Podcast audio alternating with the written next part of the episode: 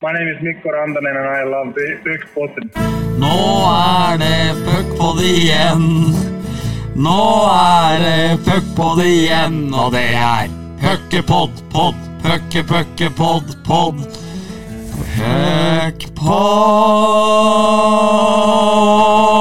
Puckpod. Nå skjønte Ja. ikke bikkja noe. Nei, det kan jeg for så vidt forstå. Ja, både Mister Sparta og bikkja hans eh, ser himmelfallende ut eh, her. eh, vi er på plass i eh, Sparta Amfi.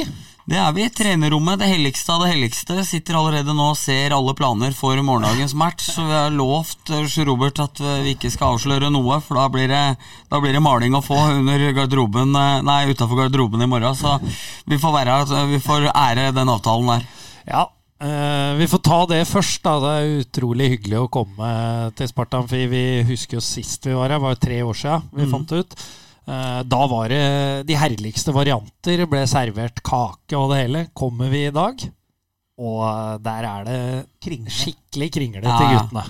Med sånn, sånn mandelgreie inni, og det er liksom toppen av kransen for meg. Det må jeg ærlig innrømme. Ja, pluss litt sånn Ja, skolebrødkrem. Ja, ja, ja, var farlig god. Nei, helt rått. Du kan jo varte opp gjestene, Jeg har Sjur. ikke, har ikke baka den sjøl. Det har jeg ikke. Du har ikke det? Nei, det har jeg ikke. Såpass ærlig må jeg være. Ja, vi, vi har jo sittet her og prata litt allerede. Vi, og da ble det så intense diskusjoner, eh, eller meningsutvekslinger, at eh, vi måtte rett og slett bare sette i gang opptaket, Bendik. For vi kan jo ikke misse det Vi vil ikke brenne inne med det der. Nei, det lytterne vil ha.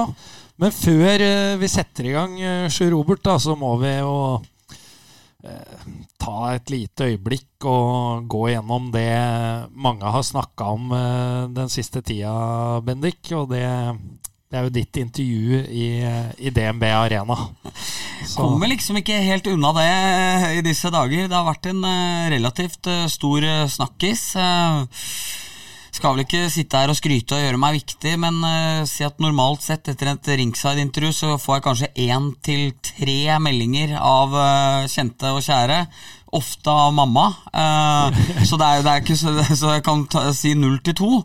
Men uh, når jeg telte opp dagen etter, når jeg skulle legge meg, da hadde jeg fått 170 til 180 meldinger eh, og snapper og meldinger på Twitter og fra kjente og ukjente. Så eh, det gjorde nok litt inntrykk på flere at det blei litt kok i bankhallen på, eh, på Kjensvoll i Stavanger sist eh, tirsdag. Ja. ja, og for de som ikke har sett det, så tar vi en eh, liten recap her. Vi, vi hører litt på, på klippet. Det gjør vi. Det er jo et mål Viktor Koppmann eh, sikkert gjerne vil ha om igjen. Eh, Du velger å stå med han i dag. Eh, Hvorfor det? Jo, det syns jeg en av grunnene er jo at dere prøver å slakte den på denne ringsiden. Så da forsvarer jeg han og bruker han i kassa.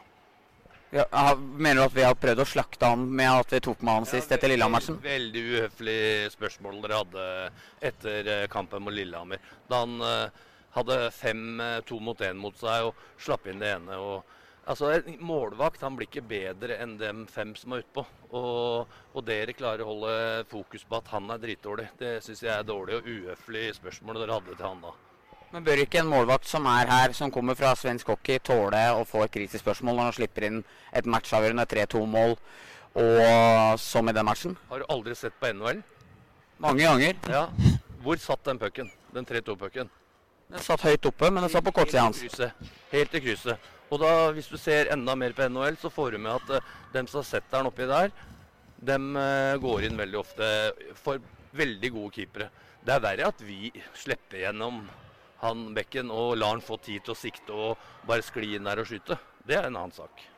Det Det er er svaret mitt på hvorfor jeg bruker Kokkmann. at vi stilte frekke spørsmål som uh, derfor bruker han i dag. Ja, blant annet.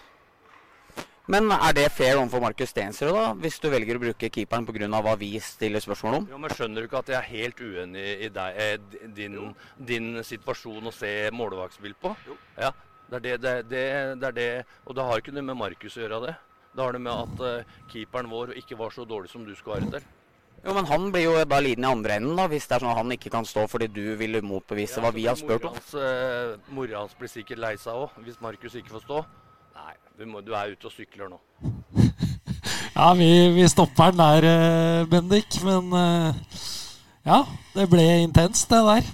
Ja, det gjorde det. Og så er jo foranledningen for de som eh, nå bare hørte dette, men ikke vet hva som er situasjonen, er jo at Storhamar tapte jo 4-2 hjemme for Lillehammer i kampen før. og på det tredje målet til Lillehammer da, fra Sverre Rønningen, så er jo det en puck som går inn på Kokkmanns kortside, og vi inviterte da med Kokkmann i ringside, der jeg følte at vi hadde en veldig høflig og grei og uh, uproblematisk uh, intervju med han, jeg og Tor Nilsen, uh, der Kokkmann tar selvkritikk for det baklengsmålet. Og så har jo Petter helt sikkert rett at han redda mange to mot én-overganger, og han hadde jo en kjemperedning i første perioden. Men jeg mener jo i form av min rolle at øh, vi må jo tørre å tåle å stille kritiske spørsmål når Storhamar da går på sitt niende tap på 21 kamper, vel eh, om ting som ikke fungerer. Og så forstår jeg godt at Petter forsvarer spillerne sine, og det syns jeg også er helt fair.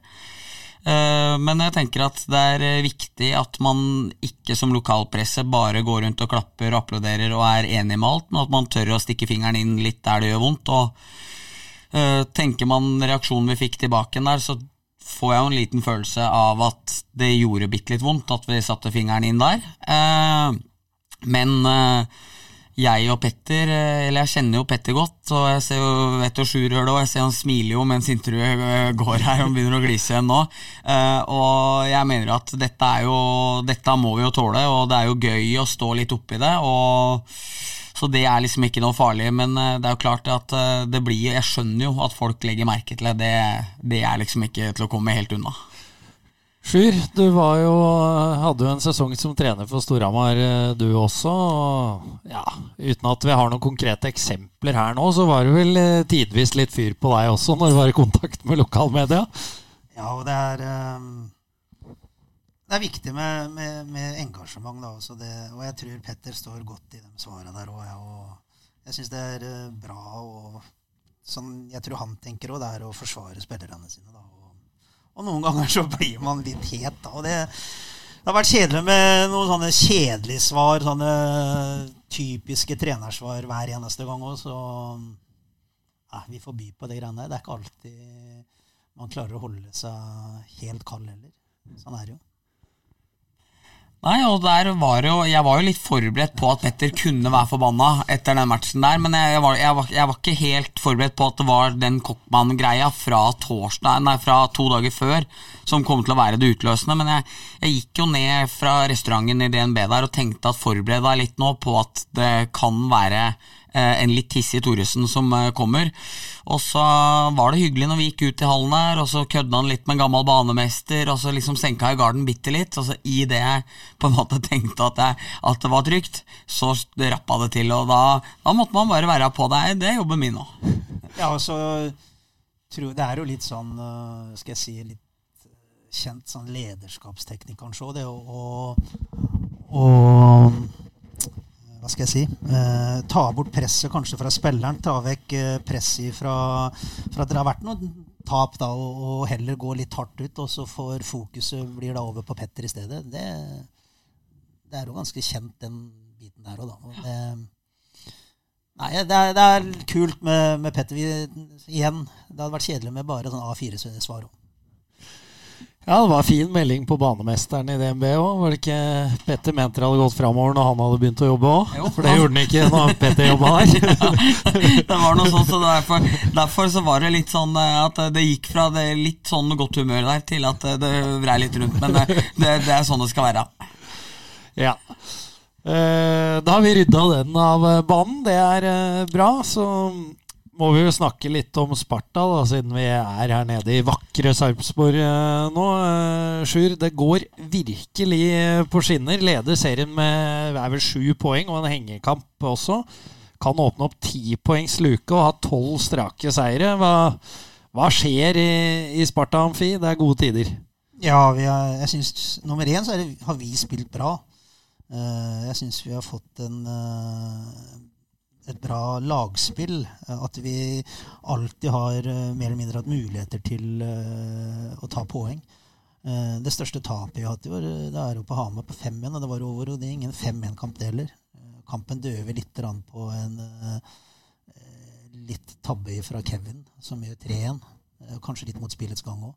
Så, så, så vi har vært gode. Det, det, det syns jeg har hørt. Vi har hatt uh, godt keeperspill, godt powerplay, godt uh, penalty kill utenom uh, noen kamper i starten der. Eh, og så har vel også hører vel også med at kanskje noen av dem antatt topplaga også har underprestert litt.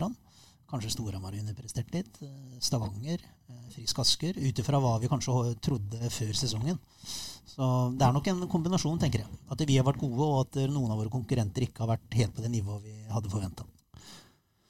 Bendik, du kan fylle på med noen ord om Sparta, så skal jeg Skyr er så skjeggete, vet du, så det mikrofonen gnager i, i stubbene her. Ja, og så nå er vi blitt så myndige at nå tør vi å gå inn og rette på, rette på gjestene. I starten så var vi jo fugleunger, så da lot vi jo det, bare lyden være dårlig, for jeg tør ikke å si fra ordentlig. Eh, nei, Brarek. Eh, nei, jeg er jo enig med Sjur. Herregud, jeg sitter og ser Sparta og blir jo så imponert. Ole Eskil Dahlstrøm sto og prata et kvarter med meg og Tor i hallen i går.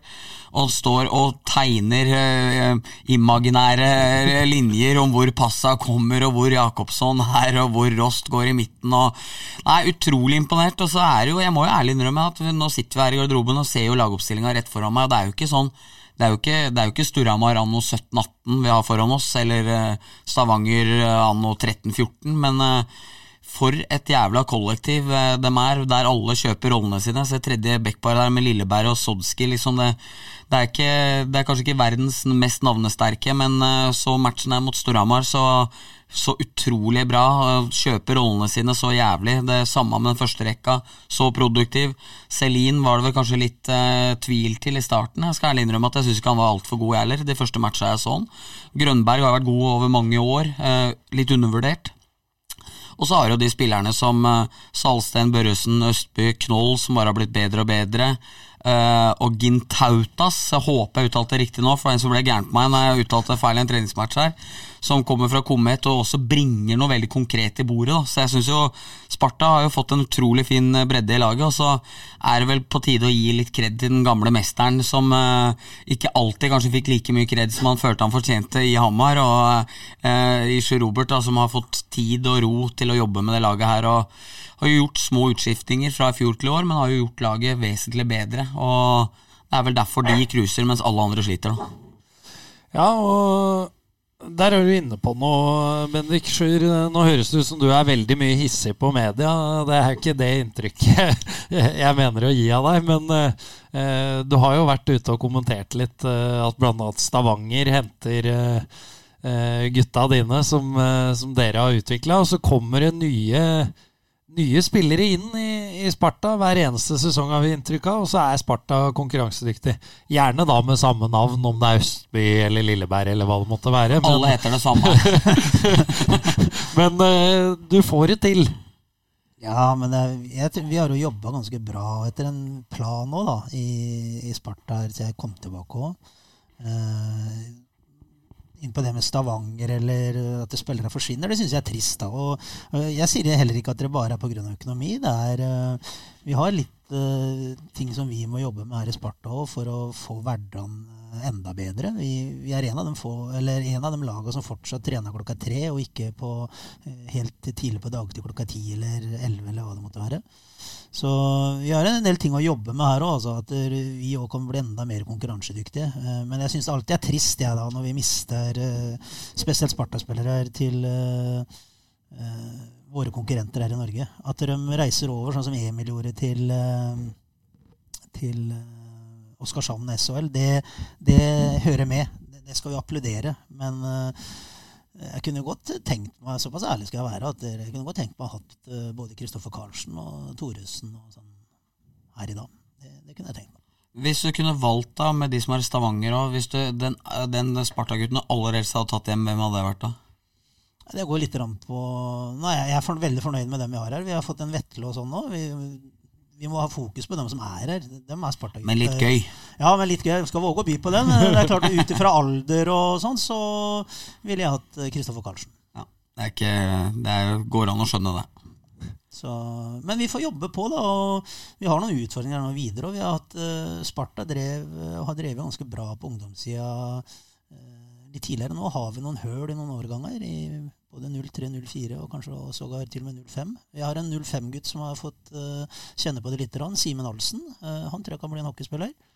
men vi må, vi må, jobbe bedre. Du ser nå på landslagsuttaket og sånn, hvor kanskje Storhamar har fått uh, bære fruktene av et godt arbeid der over tid med, med Wang Ung, Wang, og, og, at de har hatt tittelsansatte trenere i, på U18, U20 litt og sånn. Nå har de mange med på, på juniorlandslaget. Ja, vi, vi kikka litt på det på, på tur eh, nedover. Eh, nå har vi ikke nødvendigvis hengt oss eh, så opp i plasseringer og sånn, men vi la vel da merke til at Sparta har både U18 og U16-lag i, i B-seriene den sesongen her. Ja, og det er ikke Over tid er ikke det levbart. Så der må vi ha et Det står vel bak på veggen her, òg. Har et møte med ungdomsavdelingen og elitedelen den 6. desember. Så vi, vi må se oss sjøl i speilet og ikke være for fornøyde. Nå har det vært mange hockeyspillere som har kommet opp i Sparta de senere åra. Eh, fra altså 01-02-årgangen, 99 det er flere årganger som har vært gode, men eh, det er litt tynnere nå. Og det må vi våge å se på og våge å prate om og prøve å finne svar hvorfor det har vært dårlig. Er det pga.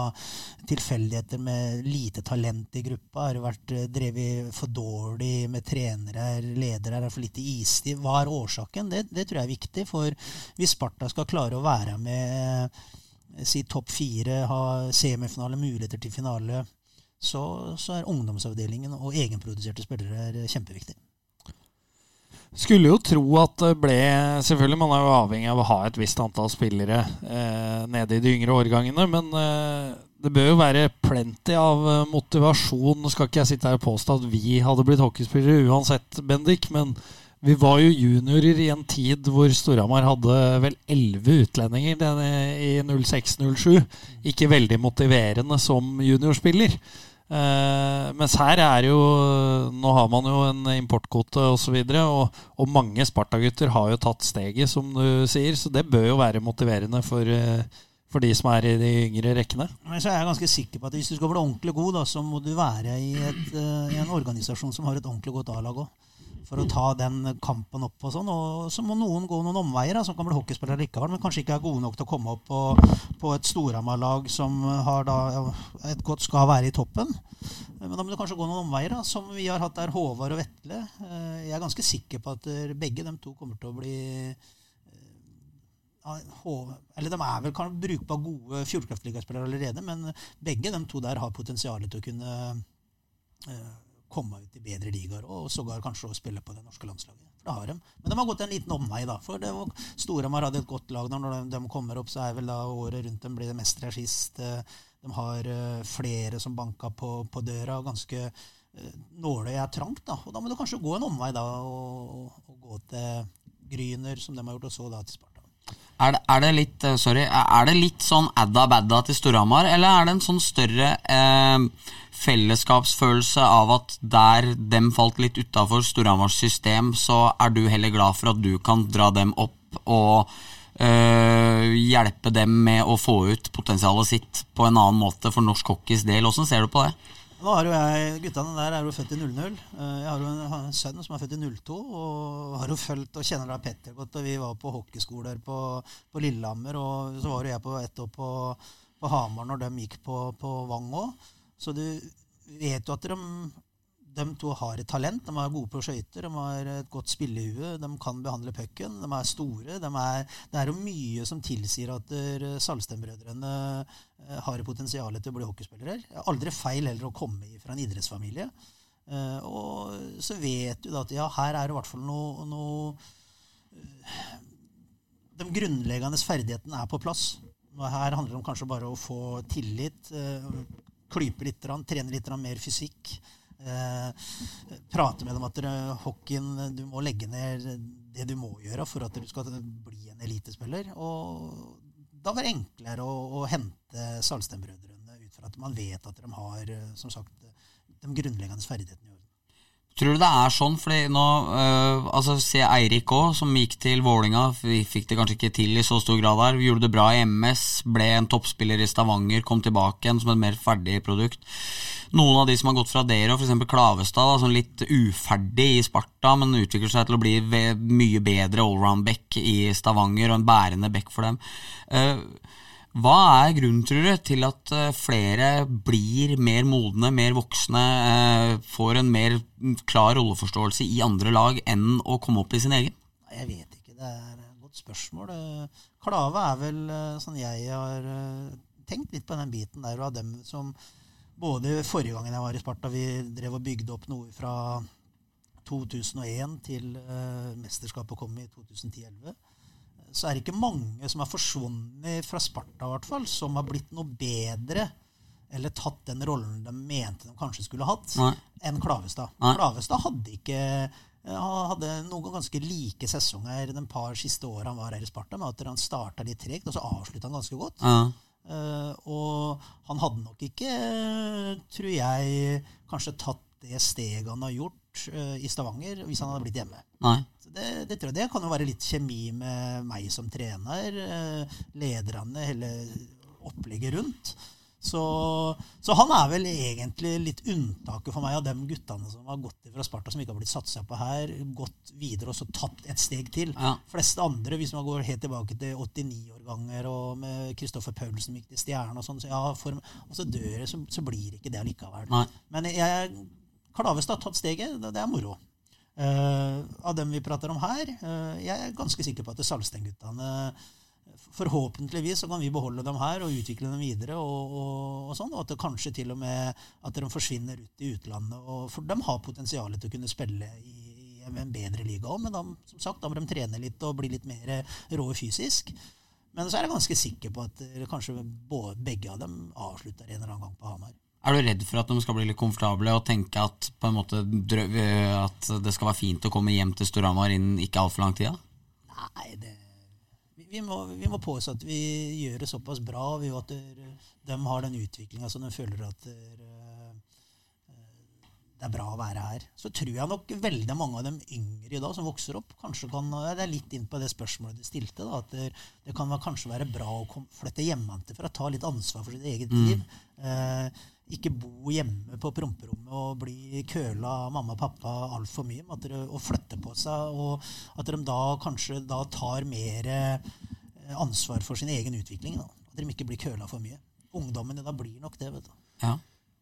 Men eh, det, som du nevner, altså du har jo da vært eh, i Sparta siden 2001, eh, selvfølgelig med noe avbrekk eh, der, da. Men det har jo skjedd ganske mye i samfunnet siden 2001, og litt med med lederstil og, og alt som, uh, som, det fører med seg. Det, det er jo annerledes uh, når du har vokst opp uh, i dag enn, enn det det var for 20 år siden. Hvordan har du tilpassa deg som leder?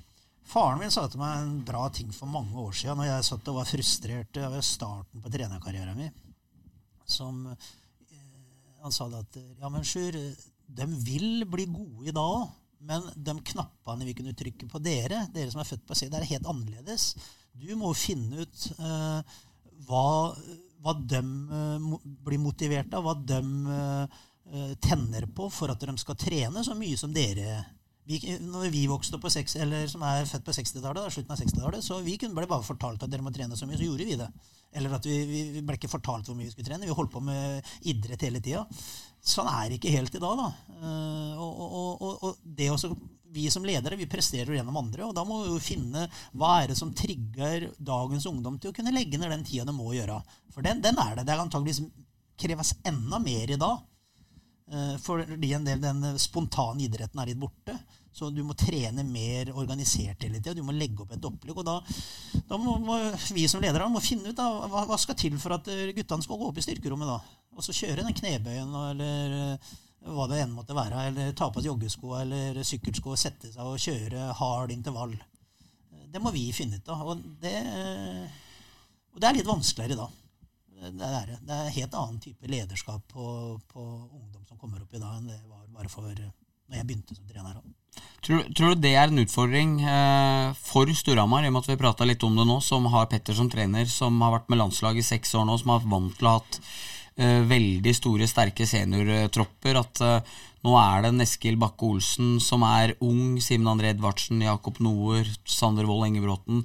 Relativt viktige spillere for Storhamar som kanskje ikke har hatt den type trenere før. Eh, tror du han nå må jobbe på en måte mye med seg sjøl for å nå gjennom dem, og at både de og han skal forstå hverandre bedre?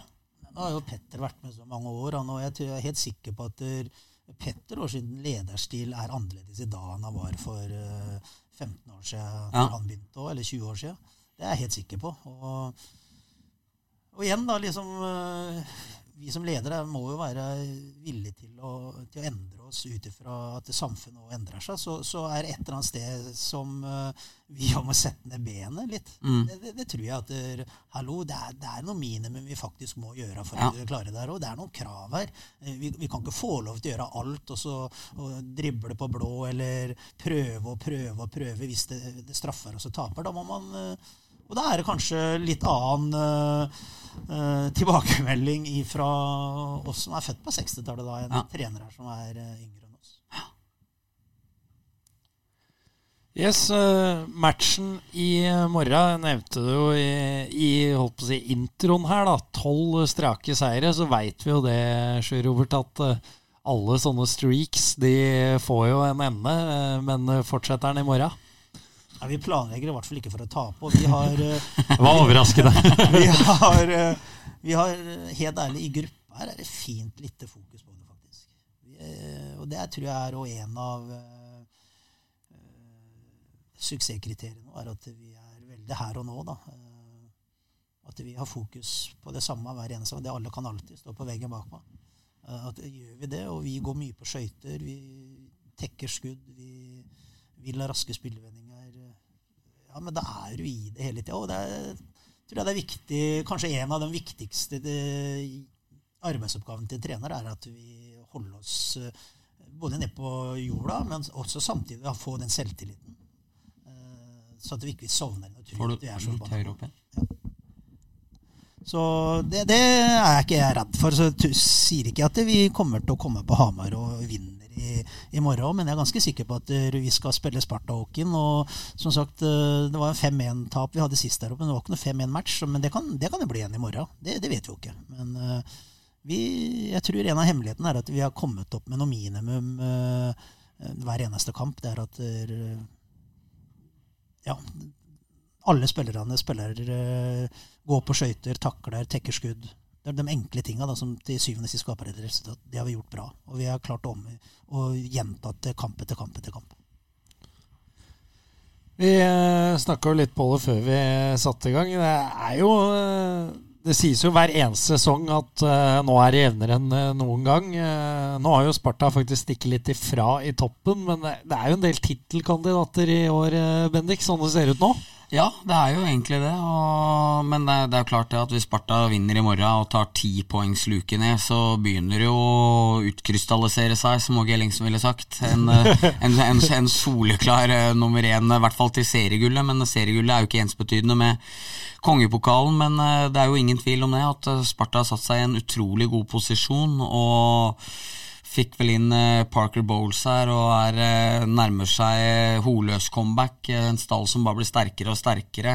Vi ser jo andre lag løsne opp. Bitner eh, forsvant fra Oilers nå. Eh, rett til Dell. Det forteller jo litt om hva Fjordkraftligaen har blitt. Når du tupper spillere, og så går de rett til presumptivt bedre ligaer. Og Vålinga er på garasjesalg eh, i Mardalen. Og nei, det er flere som, eh, det er flere som stacker opp litt. Vålinga Manglerud, det er nærmest en sånn fusjon blitt, det nå. Ja, det er det. Jeg fleipa litt med at det er reneste julekalenderen. At det kommer en ny hver dag. Så er det enten Pål Svendsen eller Roy Hansen som til slutt dukker opp til slutt der. Så nei da. Nei, nei, men det ser jo at mange er misfornøyd. Det hører jo, Du ser Asker fikk inn Kåsastul, og de er nok ikke helt fornøyd med den stallen de har nå, de heller. og Ryktene sier jo at eh, Storhamar òg uh, vil jo mest sannsynlig gjøre noe, og hva det blir, veit jeg jo ikke ennå. Men eh, det er jo klart, uh, vinner Sparta i morgen, så begynner serietoget i hvert fall å gå. Det er det ingen tvil om. Og så skal vi sette i gang da et tema nå med Sjø Robert som gjør at eh, jeg tror nesten du og jeg kan ta oss en liten harrytur og komme tilbake. Jeg gleder meg. Eh, Bendik, vi skal- litt, så er kanskje ferdig når vi er tilbake igjen. For da skal vi inn på et tema som jeg vet han brenner veldig for. Nå har vi nevnt Manglerud. Eh, Det som har skjedd der, det er jo, det er jo trist, men dessverre en, ja, nesten en tradisjon i norsk hockey at det er en eller annen klubb som rører det til eh, økonomisk. eh. Ja, og det må jeg bare få si at dem har røra det til. Og når jeg ser han styrelederen prater om eh, de inntektene og publikumstallene som ikke er kommet, og så begynner jeg å lure på hva forventer du i Mangerdalen? Når du på toppen av alt da skylder på at TV 2 lager så fine sendinger at folk sitter og koser seg hjemme med 65-tommeren fordi ettkameraproduksjon fra Mangerdalen det tvinger ikke horder til å bli igjen hjemme. Det gjør ikke, altså. Det er, det er fortsatt bedre å gå i Mangerdalen og se på hockeymatch enn å se TV 2 har kjempesendinger, men å begynne å skylde på at TV 2 har så gode sendinger at det gjør at folk ikke går på match, det er det absolutt dummeste jeg har hørt. Og jeg syns det kommer mye dumt derfra. Nei, jeg er en, eh, jeg er en del av det produktet Ja, men sjøl. er jo en kjempejobb. Men jeg er enig med deg at uh, det er jo ikke som å være i hallen og se uh, match på TV2 De har- Play enda. Det De har ni tilskuere mindre i år i snitt enn hva de hadde i fjor. Er det ikke det? Ja, Ni. Ja, da i snitt. Og så prater du om det. Nei, det, for meg går ikke det, altså. Nei, eh, jeg er enig i det, og så får vi høre hva, hva var det du kalte den? Den gamle mesteren uh, mener om, eh, om temaet økonomi og norsk hockey. Ah, jeg har jo vært en av dem som deler litt på sosiale medier og sånn, jeg, og, og har vært med i litt for mange år. Uh, Jeg syns jo norsk hockey på en måte står litt på stedet hvil. Ja, det går sånn opp og ned for mye. uh, På enkelte klubbene. Det er vel egentlig bare Stavanger nå som gjennom en eh, 10-12-årsperiode, 15-årsperiode, har vokst og vokst, og så har de klart å holde seg både med publikumstall og, og samarbeidspartnere og interessen og mesterskap og sånn, mens på Hamar, på, i Sarpsborg, på Jordal, har de vært inn og ut av hallen da, med ny hall og sånn, men det, jeg, jeg syns det går litt for mye opp og ned, og så har vi litt for mange Vi har to til tre lag som blir en litt sånn øh, kasteball, at det blir for store tap. Det blir for stort glapp mellom øh, de dårligste opp mot dem, øh, en kjerne nå på en øh, seks-sju lag.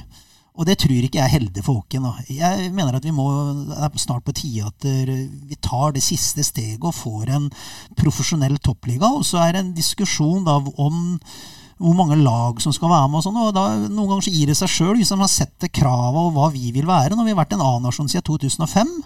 Men allikevel så syns jeg Fjordkraftligaen, om han er blitt bedre Ja, det er godt mulig han er blitt bedre, men det er marginelle ting. Og i hvert fall i forhold til dem vi liker å sammenligne oss med. Og da må vi i hvert fall våge å ta diskusjon, da. eh, Mener jeg. Eh, Jeg mener at eh, Fjordkraftligaen, eller toppserien i Norge, den bør være profesjonell.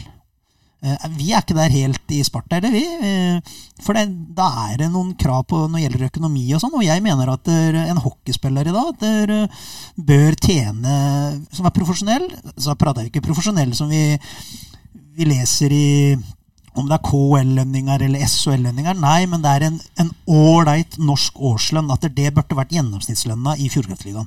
Og da si her nede i Nedre Glomma-regionen tror jeg han ligger på rundt en 450 000 kroner brutto. Ja. Gjennomsnitt. Ja, da er det ganske lett å, å regne ut hvor mye lønnsbudsjettet i et eh, lag bør være. Da ligger det ish mellom 13 og 14 millioner med sosiale kostnader. Hvis du har 23 profesjonelle. Og så kommer trenere, så kommer en administrasjon.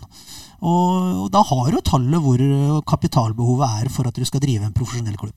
Men er det kun mulig, eh, tenker du, å få inn dersom man raderer bort så lite attraktiv motstand, sånn som Storhamar hadde 1024 tilskuere mot Grüner i går? Er det det som på en måte gjør at inntektsgrunnlaget vil bli større? Det å få flere kamper mot presumptivt bedre lag? Ja, jeg tror det blir eh, hele tida så De store sponsorene sitter og ser på interessen, hvor mye folk er på kampene og sånn, og jeg tror ikke det er heldig. Når vi eh, møter da Manglerud sist, var det 175, eller hva det var jeg delte på Twitter. Jeg, jeg tror ikke det er heldig. Jeg, jeg, jeg, tror ikke det, altså. Og, og så må vi ikke være redd for å si at ja, vil det si det samme at vi skal stenge ligaen? Nei, vi bør ikke stenge ligaen. Men det må være noen minimumskrav på minimumsbudsjetter. Og hvordan er det vi tjener pengene i norsk hockey? Jo, det er to hovedinntektskilder på alle klubbene. Det er publikum og samarbeidspartnere. Og så har vi en sentral avtale med Fjordkraft TV 2 som eh, genererer en uh, ish 600 000, tror jeg. Til hver klubb. Og det er lite. Det er lite. Og, og da etter å se på veien må vi se da, ok, hva, hva er det vi vil ha for noe? Vil vi ha kamper hvor det er eh, fullt hus? Vil vi ha kamper Vålerenga, Stavanger Oilers, ca. 4000 på Nye Jordal? Og så kommer det neste runde. Oslo-derby, Gryner Vålerenga 300. Tror vi hockeyen vokser på det? Nei, jeg tror ikke det. Da tror jeg at det er en fordel å gå ned på dem som kan da ha et, eh, et budsjettkrav på eh, ish, eh, i hvert fall minimum kanskje et eller annet sted rundt 20 millioner.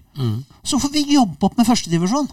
Så vi jobber som noen bikkjer for at, de, at det er flere kan komme opp. Og sånn gjør de jo nedover i Europa, i land som er vesentlig større, hvor hockeyen er stor. Tyskland er hockeyen kjempestor. Det de gjør der De har Del og Del 2, og så har de Oberliga. I Del 2 så kan du komme opp. Da må du levere en søknad. Du får svar før sesongen begynner. For, to, for ett år siden så var det tre lag. Jeg husker ikke det trea, men det var Kassel og Frankfurt. Og så var det ett lag til. Da leverer de en søknad før serien starter, får svar. Da får Kassel og Frankfurt svar på at ja, vi tror på det her. Dere har eh, ishallen, dere har en eh, omsetning, dere har et grunnlag som kan gjøre så at dere kan være konkurransedyktige i del 1. Så dere kan komme opp. Så er de sportslige kravet. Du må rykke opp. Du må vinne del 2. Det gjorde Frankfurt i fjor. Da rykka de opp til del. Samme kan vi ha her i Norge. Vi setter ned noen krav på ishallen, på en omsetning, og tro at det er ikke noe vondt om Gryner. Ikke noe vondt, De gjør en jævla god jobb. De kjemper, Det er dugnadsdrevet klubb og sånn. Men å tro at det er det de genererer inn til norsk hockey, vil hjelpe norsk hockey videre. Nei, det gjør de ikke. Nå er egentlig det en liten bremsekloss, mener jeg. Det kommer 1000 mennesker på kampen i går på Hamar pga. at de møter Gryner. Er? Det er, det er ikke snakk om om, om Storhamar skal vinne. Det er snakk om hvor mye vinner de med. Og, og så kan man gjerne si ja, men Gryner har jo tatt poeng mot Stavanger. Det var hva de sa for noe på det. Det er to lag de ikke Gryner har tatt poeng mot. Det er Storhamar og Sparta. Ja. Så, så hvis du vil ja, men de tok et poeng Ja, men se på antall poeng. Se på hva de har å tilby med, med, med til publikum, til sponsorer. Og det tror jeg påvirker. òg dem I dag er det sju og en halv klubb da, i Norge. Ta med Gry, eller Ringerike, som en eh, nesten er der. Mm. Som er positivt. Ellers så eh, det er det vi har. La oss få elitedelen rundt det, da, og så får du en kjempegod førstedivisjon.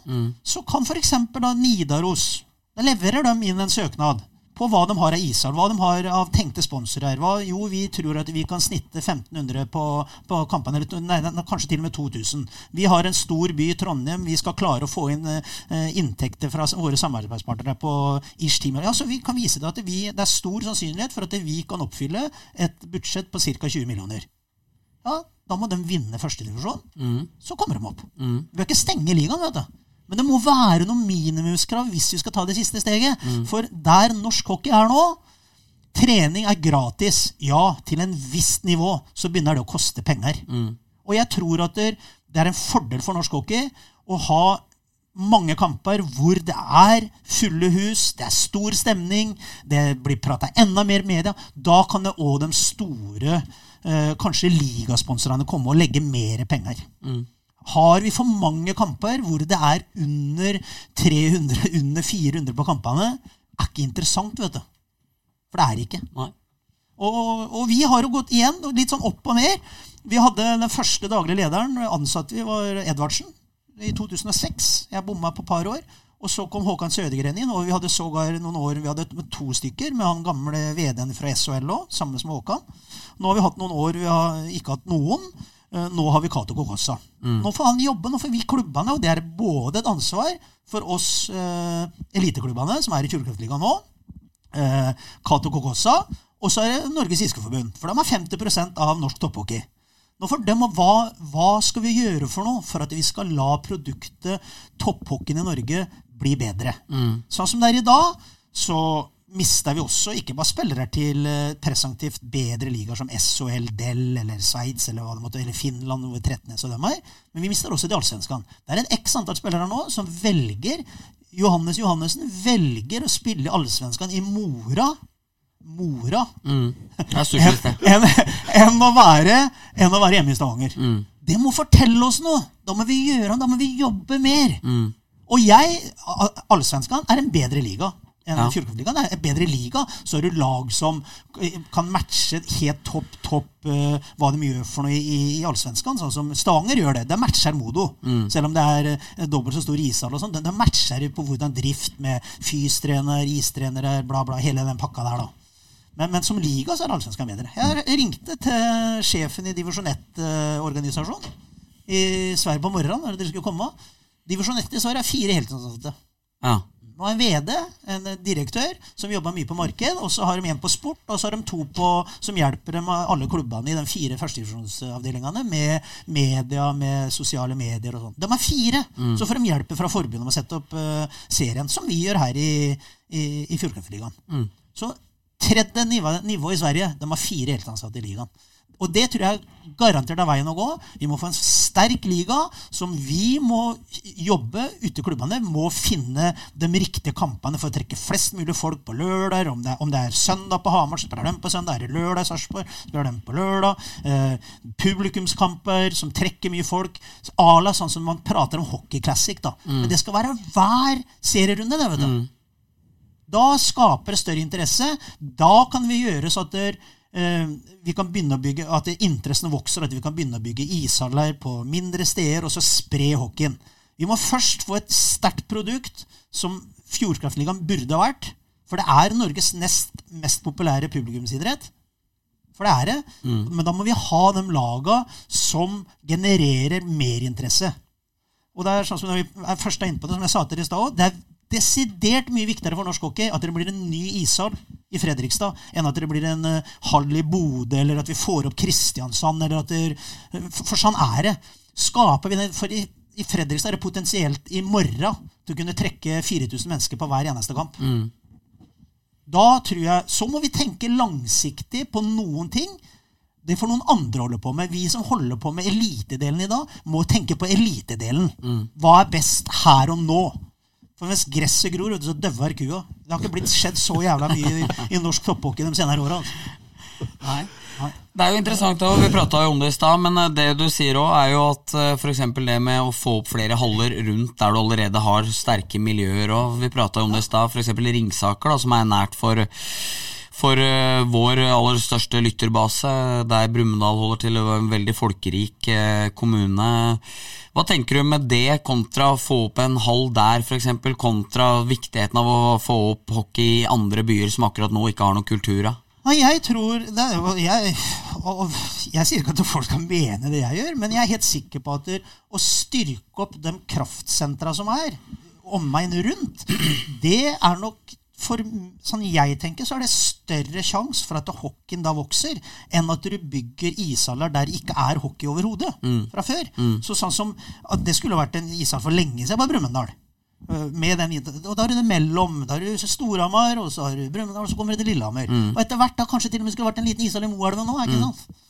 Bygg ut ifra den kraftsentra, så kan vi bre oss. Istedenfor å dreve og tro at der, vi må få med oss at det er livsnødvendig for norsk hockey at Narvik er oppe. Det er ikke det, vet du. Men det er kanskje livsnødvendig at er Stjernen igjen får en ny hall. For de trekker 4000 mennesker. da. Fredrikstad er en stor hockeyinteresse, Ja. men det er jo ikke en ishall i landet som har drept mer hockeyinteresse enn Stjernehallen de siste 20 åra. Ja, men det er ikke det. Nei, det er ikke det. De har fått opp Stjerna har drevet kjempebra tidligere og fått opp noen av landets beste hockeyspillere. Da, med Trond Magnussen, Rune Gulliksen, Lars Håkon Andersen, Rene Hadde. De hadde mange spillere. Og nå, og nå har det vært litt tøffere, ikke sant? for det er det er kjempevanskelig å drive en profesjonell drift i en klubb hvis du trekker 1400 mennesker i en ishall. Det er kjempevanskelig. Det er, eh, jeg har kanskje sagt det før, men jeg skulle tisse på eh, første semifinale i Stjernehallen bak Red Beavers der i fjor, på den eh, doen der. Da kasta jeg opp mens jeg sto og pissa i pisseremmet. For det lukta så jævlig der. Altså, det, det og det er semifinalearena da, altså. Og det forteller jo alt. Understellet på bilen ryker jo på vei opp Saberget der. Det, det, er, det er dyrt å gå på hockeymatch hvis man har nytt understell på bilen hver gang det er i hallen. Ja, det, det er fra en sarping. Altså, jeg unner det hockeyinteresserte publikummet i Fredrikstad unner deg en ny hall. For, å gjøre det, for det er viktig. Stjernen er viktig, for Der er det potensielt. Da, da tror jeg ligaen vokser. Og så må vi ha noen som Så må vi ikke glemme førstedivisjon. Det må vi ikke gjøre. For det det er viktig, det òg. Men, men, hvor mange av de førstedivisjonslagene nå Så er det Nidaros. De ser ut som de driver veldig bra. Nå har, vet, husker jeg ikke tallet hvor mange de har med nå på U16, U18, U20-landslaget til Norge, som i utgangspunktet er trøndere. Men det er veldig bra. Der har de drevet bra. Veldig moro å se under U25-landslags ja, det var fett. Oppgjør med såpass mye folk. Så mm. der er jo et potensial. Ja, men igjen så kan ikke noen få et fripass. Jeg har respekt for den kall det europeiske idrettsmodellen, at det er muligheter for å rykke opp og rykke ned. Det har jeg. Men Fjordkraftligaen, og ser de laga som ligger nede Jeg mener at uh, Nidaros må klare å kunne å vinne en, en, kvalifisering for at det skal være opp. Jeg synes, det som jeg da var inne på i stad, ha noen krav til arena, til økonomi, men da må også være krav på sport. Men så, driver, men så, driver du og fòrer Gryner med Labori og Spaberg Olsen og gutta, så du holder, du holder jo Nidaros nede som gissel uansett. Altså. Ja, men det er, jo, det, er, det, er av, det er, jo, en av, de årsakene til at Gryner øh, kan være i Fjordkraftligaen, er jo at øh, de ligger i Oslo. Ja. Og at de får øh, Det kommer alltid opp en spiller i Hasløren, Vålerenga, MS, Lørenskog her på Østlandet. da, Og da er det enklere kanskje hvis du studerer eller bor, jobber i Oslo, så henger du med, da, så spiller du i Gryner. Mm. Men, men hva, hvis, eh, hva, hvis, i og med at vi drøfter det, hva hvis eh, Gryner slår seg på brystet og sier at Sjur, du har to blad Salstein som har kommet og blitt redda av oss. Eh, Storhamar har Birkheim Andersen som spiller topp seks for dem. Altså, hvis de sier at ja, vi er nyttige nyttige for matkjeden i norsk hockey. Ja, det er de, men de hadde vært nyttig, like nyttige i første divisjon. Ja, men hadde de blitt lagt, hadde Salsteinguttene på en måte blitt plukka derfra? Ja, det tror jeg. Ja, tror jeg ja. Vi henta Gentautas. Ja. Man har helt ekstreme ja, tall òg, da. Ja, man har vært i førstedivisjon i mange år. Jeg tror at vi må ikke være redd for vi, vi, skal ikke bare ha det optimale er at man jobber på en plan som gjør så at på kortest mulig tid så må vi få en profesjonell toppserie.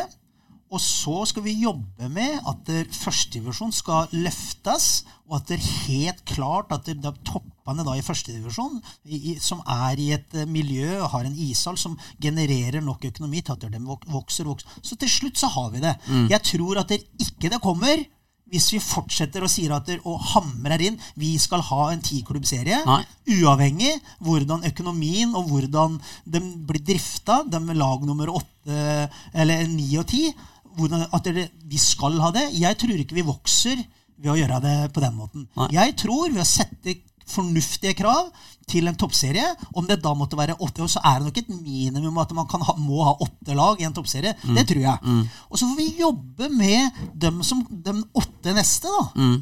Der, der, er et potensial. Det er et potensial i Komet. Det er et potensial i Nidaros. Det er et potensial i Narvik. For det er det.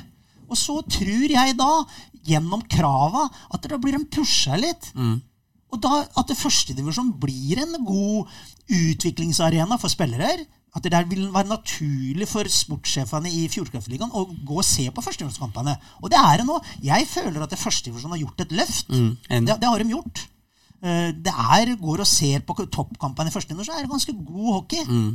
Og, og, og, og, det tror jeg er veien å gå, da. Ja. Det tror jeg. Ja. Jeg tror ikke er veien å gå til for enhver pris at vi skal ha ti lag. Nei. Vi må først definere de kravene om hva Fjordkraftligaen vil være. Og da må vi kanskje gå ned på antallet utligninger. Det henger litt i hop. Mm. Akkurat nå vi har jo den diskusjonen nå, skal vi gå ned på, på antall utlendinger i Norge. Nei, vi kan jo ikke gjøre det. Nei. Jeg, jeg syns ikke det er nok spillere her.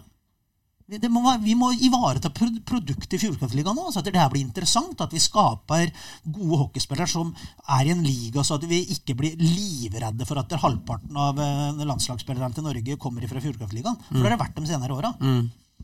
Så ja. Fikk fyr på deg. Nei, men øh, og er jeg, jeg begynner å bli litt lei det, faktisk. Jeg, altså, sånn, og måtte mene noe hele tida. Men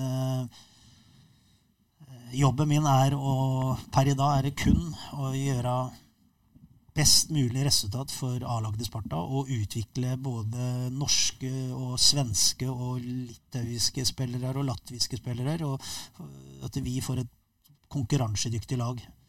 Eh, Og så skal jeg snart love meg sjøl at eh, nå skal jeg holde kjeften min. For nå, jeg syns det er på høy tid at eh, noen av dem som sitter i sentrale posisjoner, også i forbundet og sånn nå, må gå ut og mene litt om hva ligaen skal være, hvordan skal vi jobbe. Jeg har ikke, hører ikke dem ofte. Nei, Man hører det- ingen andre enn deg.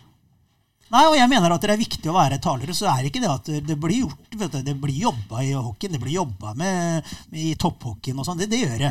Men jeg syns det det, det er litt viktig å, å, å, å stå for noe, si meningene sine, informere, prate. Syns jeg, da. Mm. Det, det må jeg si. Jeg er helt enig. Siste, som jeg har sagt, for det er litt spesielt tar jeg, eh, Hvis vi tar en 25 best betalte som jobba med ishockeyen i Norge i dag, så tror jeg kanskje 20 sitter i administrative stillinger. Det er veldig unikt da, hvis du bare går over der jeg har vært i Sverige, med Leksand. Eh, Sitter du der på kansliet og sånn, så tjener du kanskje Det er spillere som sitter borte i A-lagsgarderoben som tjener på, i måneden det noen gjør på, i året Ja. som sitter, på, eller sitter i en administrativ, eller administrativ stilling på, på kontoret. Ja. Så skjønner jeg det. Det er veldig populistisk. Jeg skjønner det at uh, Norge er et uh, dyrt land. Uh, vi er lønnsdriver. Vi er, det er ganske høye lønninger i Norge. Mm. Men det er sånn som jeg sier her, på, ikke, ikke bare på fleip, men litt sånn litt brodd til det av dem som jobber på administrasjon her òg, på, på salgsavdelingen.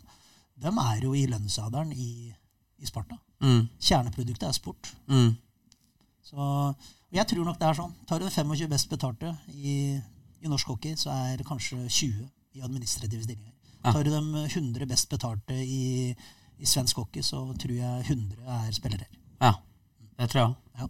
Og det, det der er en litt sånn hmm, Ok, vi må få inn mer økonomi, og så må vi finne ut hvem hvor er veien. Jeg sier ikke at det er det jeg mener er riktig, men eh, jeg mener at eh, nå får vi faen meg begynne å jobbe litt og, og våge å stille noen krav og, og, og være åpne om hva er det vi vil at Fjordkraftligaen skal være. Enig. Jeg er, det er jo uten sammenligning, men jeg, har, jeg tenkte faktisk på det når jeg reiste med Storhamar fra Stavanger her om dagen. At jeg tenkte at der, jeg tipper det maks er to eller tre spillere som tjener mer enn meg i året der. Ja. Ja. Og det er ikke helt bra. Nei, det er det mange jeg tjener ikke dritbra. Nei, men, Jeg trodde det var det du skulle ha inn. Det er jo det jeg, jeg tror faktisk Eller jeg vet, når jeg jo står og prater med våre samarbeidspartnere, sånn, så blir de overraska når de hører hvor eh, lite eh, ganske mange på et hockeylag tjener. Mm. Så det er jo det som er den veien, Vi har ikke klart å profesjonalisere ligaen vår. sier Jeg, jeg, det er ikke så veldig stor forskjell, faktisk, altså, i dag og når jeg kom opp i Sparta i, Nei. i 84-85. Nei. Og det forteller Nest, nesten sånn at dere var bedre på mange ting den gangen. Ja. Hadde man gått inn og hatt uh, alle budsjettene og sett uh, hva Sparta omsatte for i 84-sesongen, da de tok sitt første uh, NM-gull, så tror jeg nok eh, 84-verdien sett opp mot 2022-verdien er eh, Da tror jeg de omsatte for mer den gangen. Ja. Og, og det der er litt sprøtt òg, for det er litt interessant. For jeg husker når Ole Einar eh, Andersen ble klar for Stjerne i fjor òg, så hørte jeg det var veldig viktig for mange i Hamar som hadde på en måte litt prestisje i at det der kollapsa. Og liksom, man har hørt mye en tjener i Stjernen, og så tenkte jeg sånn det, og da var det liksom en sum om 400 000, da. Ja, ikke sant? Og så bare å, fy faen, jeg skal tjene så Og så tenkte jeg sånn ja, Det er jo en det er jo to tredjedeler av det veldig veldig, veldig mange jeg kjenner tjener i året, cirka. Det er jo liksom Det er jo ikke noe fett betalt, det. Du får ikke kjøpt en dritt på en uh, Gå til banken og vise en uh, årslønn på, uh, på en toårskontrakt på 400 000. Da ler de av deg i banken, liksom. Så, så jeg er helt enig i det, at du må komme, få huet litt opp og tørre å være litt tøffere i de forhandlingene her. Vi hadde Foreldrene mine eller mora mi drev et renholdsfirma. Så det man prater om i, i arbeidskraftkrevende bransjer, da, det må man vel si at ishockeyen er. Det er 23 hockeyspillere som skal ut og så, så, så, For å drive greit i arbeidskraftkrevende bransjer, da, så bør eh, opp mot eh, var, ikke det i renholdsbransjen, men jeg tror nok det er i tømmerbransjen, rørleggerbransjen, alle dem som har mye med arbeidskraft å gjøre, at du må du tjener penger på at du slår inn en spiker, så bør du ish cirka ha én million i omsetning per ansatt. Mm. Det er jo kanskje da litt av det samme i hockeyen. er 23 spillere, kanskje tre trenere, 26, og så har du en administrasjon på, på fire. Så har du 30, ja, da må du omsette for 30 millioner. Mm. Det er et godt poeng. Og jeg, det, jeg tror ikke det er verre enn det. da. For at vi skal ha uh, utøverne våre skal ha levelige dager. da. Så, og, og for å komme meg dit igjen, vi må våge å stille noen krav. Hva kravene skal være. Ja, vanskelig, men jeg, jeg vet at det er nesten umulig å vinne Fjordkraftligaen og drive bra hvis du har 1500, eller mindre enn 1500 på kampene dine. Da må du ha så sinnssykt mye på samarbeidspartnere. Og det får du ikke med et så lavt tilskuddssnitt. Nei, det gjør du ikke. Nei, det ble, det ble en bra salve, det. Og det var akkurat det vi var ute etter, Sjur. Så det er vi glade for. Nei, men jeg, jeg blir sliten av det. Jeg blir sliten av meg sjøl på det greiene. For Jeg, jeg, noen ganger skulle jeg ønske at jeg ikke var såpass engasjert som jeg var. Og, og jeg har vel egentlig, som jeg sa i stad, lovt meg sjøl at uh, gi faen og ikke men for mye. og Hold kjeften din i stedet, og så ha fokus på det du er betalt for å jobbe for. Det er å gjøre Sparta best mulig. Og det kommer dit snart. Jeg synes det er noen andre Men, men du gjør en grei jobb der òg, så da er det Hadde Sparta vært litt dritdårlig, og du mente om alt mulig annet, så kan, kan den andre ha jeg- jeg, jeg, tror de rundt meg litt og da hadde syntes det vært greit at du ikke slapp det litt og drit i det. For å si det sånn. Men uh, Sjur, vi må ta med litt før vi skal ha de faste spaltene her. eh, noen ord om, eh, om helsa og, og hjertet. Ja, det har vært bra. Jeg har hatt Kanskje ikke så rart. Jeg hadde ablasjon, da, og jeg husker ikke datoen nå, men vi hadde stjernen hadde, hadde ablasjon på onsdag, så torsdagen etter så hadde vi stjernen. Tapte her hjemme. Da, da, jeg, da hadde jeg litt flimmer igjen på kvelden. Da. Det, det ga seg ikke. Da måtte jeg ta på meg å gå en liten tur på, på natta der. Og så etter det så har jeg ikke hatt noe, så det har vært, fungert veldig bra. Så jeg håper at det banker bordet, at det ikke kommer tilbake. For det er jo en litt sånn slitsom ting å ha. Da. Nå hadde jeg jo både sånn vanlig hjerteflimmer og noe som heter flutter. Så ja, jeg håper jeg, håper jeg slipper nå. Det gjør vi òg, Bendik. Det håper vi For, eh, absolutt. Det, For mesteren må eh, bli værende. ja, den, ga, den gamle Den mesteren. gamle mesteren. Han må bli værende. Det er det ingen tvil om. Skal vi ta noen faste spalter, da? Ja, Eh, og da starter vi vel med å rose litt, da. Så Ja. vi avslutter eh, med det negative som vi pleier. ja, Du kan få begynne hvis du vil. Skal Eh. jeg begynne? ja begynn gjerne, du. Ja, da skal jeg gi uh, ukens blomsterkvast. Eh, den er helt, helt klar, og den går jo da til Storhamar Elite uh, i går. Og da ikke pga. hjemmeseier mot eh, Gryner, men eh, på vippen så ble det jo servert Espa-boller. Eh, de herligste varianter, og altså alt eh, Alle varianter de lager var der, tror jeg. I hvert fall alt som er godt. Og det liker jeg, vi har prata om det før. Det, skal jo være den hellige treenighet oppe på vippen. Det er bare wienerpølser, pizza fra Perla og Espa-boller, og det er bare å rullere. Ja. Uh, og alt det andre kan de bare kutte ut. Ja. Gitt klar beskjed om hva jeg syns om det, så har de ikke helt hørt meg. Men i går var det i hvert fall Espa-boller. Jeg er meget fornøyd. Dunka ned på fire. Fire, Ja, og da hadde jeg en sjokobolle innabords hjemmefra før det. Så god kveld i CC Ja, jeg, jeg trodde at det var jeg som skulle være den vulgære av oss. Men jeg hadde jo vært i Gåsbø gått på ski i går på formiddagen. Uh, skulle legge ut bilde, sto med selvutløser og drev på der. Men følte meg, jeg syns jeg så så feit ut på bildene, så det kom dessverre aldri ut noe bilde. Men det var ei dame som drev og og tok på seg skia rett bak meg, som så jævlig rart på meg når jeg drev og, og satte telefonen inn i bagasjeluka sånn den skulle stå akkurat. Og jeg stod på, jeg så så dum ut, så det var helt jævlig. Men eh, det ble tre Espa-boller på meg, da, to med kanel og en vanlig, for det var ikke igjen med kanel på siste. Ellers hadde jeg gått for et Follestad-hat-trick med tre kanelboller der. Altså. Ja, men, litt sånn tips da, liksom Espa-bollene er gode, de, men på skjell. Men det sto bare 'limited edition'. Det er til og med på engelsk. Med seks boller med sånn eggekrem, litt eh, sånn blåbær på? Ja, nei, litt sukker og kanel og, og litt mandelgreier. Ja. Jeg tror mulig de har kutta ut. Så der er rekorden min. da der Kjørte innom der da jeg skulle opp og gå tur med bikkja. Seks boller. oppe i Skjemaverka, da tror jeg jeg hadde fått i meg fire eller noe sånt på fem minutter. Altså, det er, livs, er livsfarlig. Så, så skjell på vanlig skjell, og ikke bare oppe på Espa der, men det er, det er bra boller der. Altså. Ja. Og den turen den ble litt overflødig. Ja, det er livsfarlig. Nei, det gikk i null. eh, Sjur.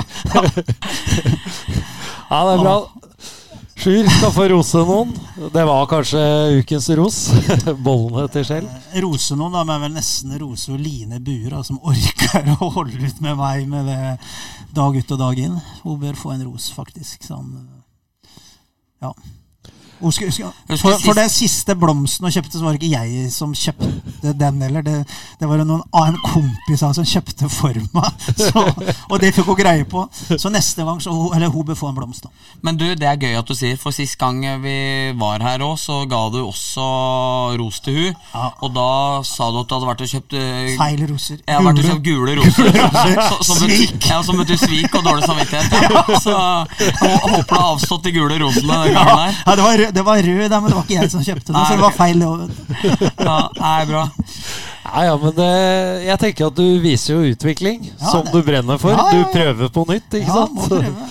Så, så det er jo veldig positivt. Eh, Det er jeg helt sikker på at fruen syns også. Skal jeg runde av med en litt ordentlig greie til slutt. Eh, kommer vel ikke unna Børje Salming. Eh, Ja. Og en ting var trist at han døde, men eh, for en fantastisk avslutning både i Toronto og så på svenske hockeygallaen i Globen, som nå heter Avicii Arena, eller hva det er for noe. Men eh, den hyldninga der, da blei jeg rørt sjæl når jeg satt og så på det. Eh, en stor kriger og en stor mann som eh, dessverre fikk en eh, kjip avslutning, samtidig en veldig fin og verdig avslutning. Så jeg regner med jeg samstemmer for guttene når jeg sier at han får den siste blomsterkvasten fra Puckpoddens panel i dag. Ja, kan få en uh, felles kvast, han. Var verdig. Veldig, veldig verdig. Eh, Så var det kaktus, da. Ja. Da får jeg eh, begynne. Måtte bare sjekke hva jeg hadde skrevet ned her nå. Jeg har to ting, faktisk. Den ene det er de eh, korkene på Ja, det er helt jævlig. Nå er jo jeg en Pepsi Max-mann, men når man er i CC Amfi, så er man jo tvunget til å innta cola uten sukker. Ja.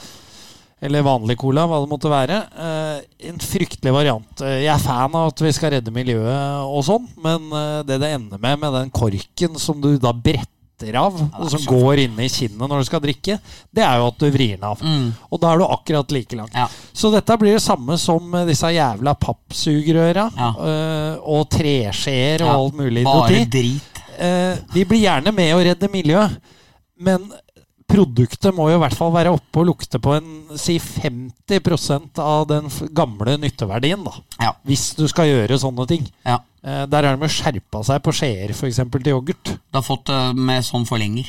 Ja, det har blitt med forlenger, Ja, ikke sant? den er kritisk. Ja, for dette likte ikke folk. Så eh, korkene til cola, der må det jobbes litt mer i den eh, markedsavdelinga.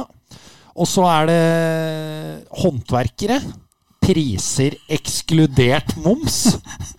Ja, men eh, fins ja. noe dummere? Nei, det ikke Tenk, tenk hvis du hadde gått på Rema, så skal du kjøpe middag, og der står prisen på kyllingfilet Ja. uten moms. Ja, altså den, den pakka koster 100, og så kommer momsen i tillegg. Ja. Det er jo ingen andre enn håndverkere som opererer med det. Nei, Smartklubb hadde det før i tida. Den Ja. ja. dumme kjeden der. Den må hadde det. Så barn trodde ting var billig, og så var det ikke billig. Nei, men det, det blir for dumt for meg, fordi det jeg er interessert i når jeg skal ha en tjeneste eller en vare, det er jo å vite hvor mye jeg må betale. Ja. Jeg driter vel i hvor mye, hvor mye det koster uten moms når jeg må betale momsen. Ja, enig. Ja. Så slutt å ljuge. Bare si hva jeg skal betale, og så vurderer jeg om jeg skal ta det tilbudet eller ikke. enig. Ja, nå, eller? Ja, du skal også en. Også, Eh, ja, nå er jeg, også, nå er jeg hund, vet du, så, og går veldig mye i skogen. Og Det er jo litt sånn miljømessig, det greiene her òg. Det dummeste jeg ser da, er at ei bikkje har enten på en sti, det er greit, kanskje få det bort og så ut på sida, men det er folk da som tar opp den hundeskiten i en plastpose, knyter den igjen og kaster den bak treet. det, og det ser du mye av. Ja. Greit når du går langs gata der folk går fortauer og sånn, ta med deg den plastikkposen. ta opp den hundeskiten, kast den i nærmeste søppelkasse. Men når bikkja er midt ute i skauen, la den få drite i skogen og la driten ligge igjen. Da. Ikke ta det opp i en plastikkpose, knyt den igjen og kast den inn i skauen igjen. Det er hull i huet. Ja, Det er helt håpløst. Ja, det er og det ser du faktisk en del av. Altså. Ja, ja, det er sjukt. Ja, det er ikke bra. Eriksen? Skal jeg runde av? Da skal jeg bare Jeg tenker jeg skal være litt kort nå. Jeg merker Sjur begynner å skal forberede seg litt til eh, økt. Jeg tripper litt der. Ja, men jeg, jeg har litt gøy igjen med Sjur. Han var forbanna på meg i 16-17. Og så var jeg jo, Og så var- og så satt han og prata med Petter Salsten dritlenge i trenerrommet. Og så sa jeg til ham jeg kom ut før treninga fordi jeg må prate med deg, liksom. Å ja, det skal jeg gjøre, og sånne ting. Sto der 1 time og 20 minutter. Laget utpå. Jeg har tid nå, Sjur. Nei, nå skal vi trene. Så da måtte jeg vente hele. Så jeg sto der og venta i tre timer. Og og Ja, det, det, be, det beklager Ja, jeg. det, det beklager jeg. Så, så men det, det var klasse, faktisk. Det var litt fortjent òg. Så ikke noe, ikke noe problem. Nei, jeg, jeg tenkte egentlig bare jeg skulle runde av litt eh, av, kort og avmålt her til eh, Fifa-president eh, Gianni Infantino, som holdt en ja, så dum tale, så jeg har ikke hørt maken der han sto og skjemte seg ut. Korrupt svin som sitter på toppen der. Eh, Håper eh, Tyskland, Norge, Danmark, flere andre gjør alt de kan for å bli eh, kvitt det forferdelige, grusomme, korrupte, jævlige mennesket der på toppen. Så når den jobben er gjort, så er det dags for Norge å begynne å kvalle litt eh, til eh, noe mesterskap. Og så får guttene ta seg en ordentlig heisatur ned til Tyskland, der eh, Sjur har henta litt inspirasjon. Og så, re så reiser puckpoden med venner nedover. Men da må vi bli kvitt Infantino. Ja, ja, men det er hyggelig å runde av med en invitasjon uh, til fotball-EM. Ja, da blir det lange, flate baller fire. Ja, Ja. det gjør det faktisk. Uh, Så vi blir gjerne, selv om det er vi som inviterer, så blir vi gjerne med deg på, på EM-tur. ja, Det er bra. det var uh, bra. Tusen takk for at vi fikk komme, Sjur. Ja, Takk for hyggelig. kringle, kaffe. Ja, må Eh, spise opp litt kringle òg. Vi skal ta med litt niste. Ja, vi må det. Ta, ta med niste. Ja. Og vi er eh, Jeg lover ikke at vi er tilbake om to uker, for denne gangen gikk det tre. Ja, men vi etterstreber å prøve å være det. Vi skal komme med en julespesial. Kanskje blir det noen kåringer òg. Vi har jo tidligere kåra hyggeligste julaftener eh, hos uh, Fjordkraftligaspillere. Kanskje kommer det blir et comeback der. Vi får se. Tusen takk, Sjur. Tusen takk.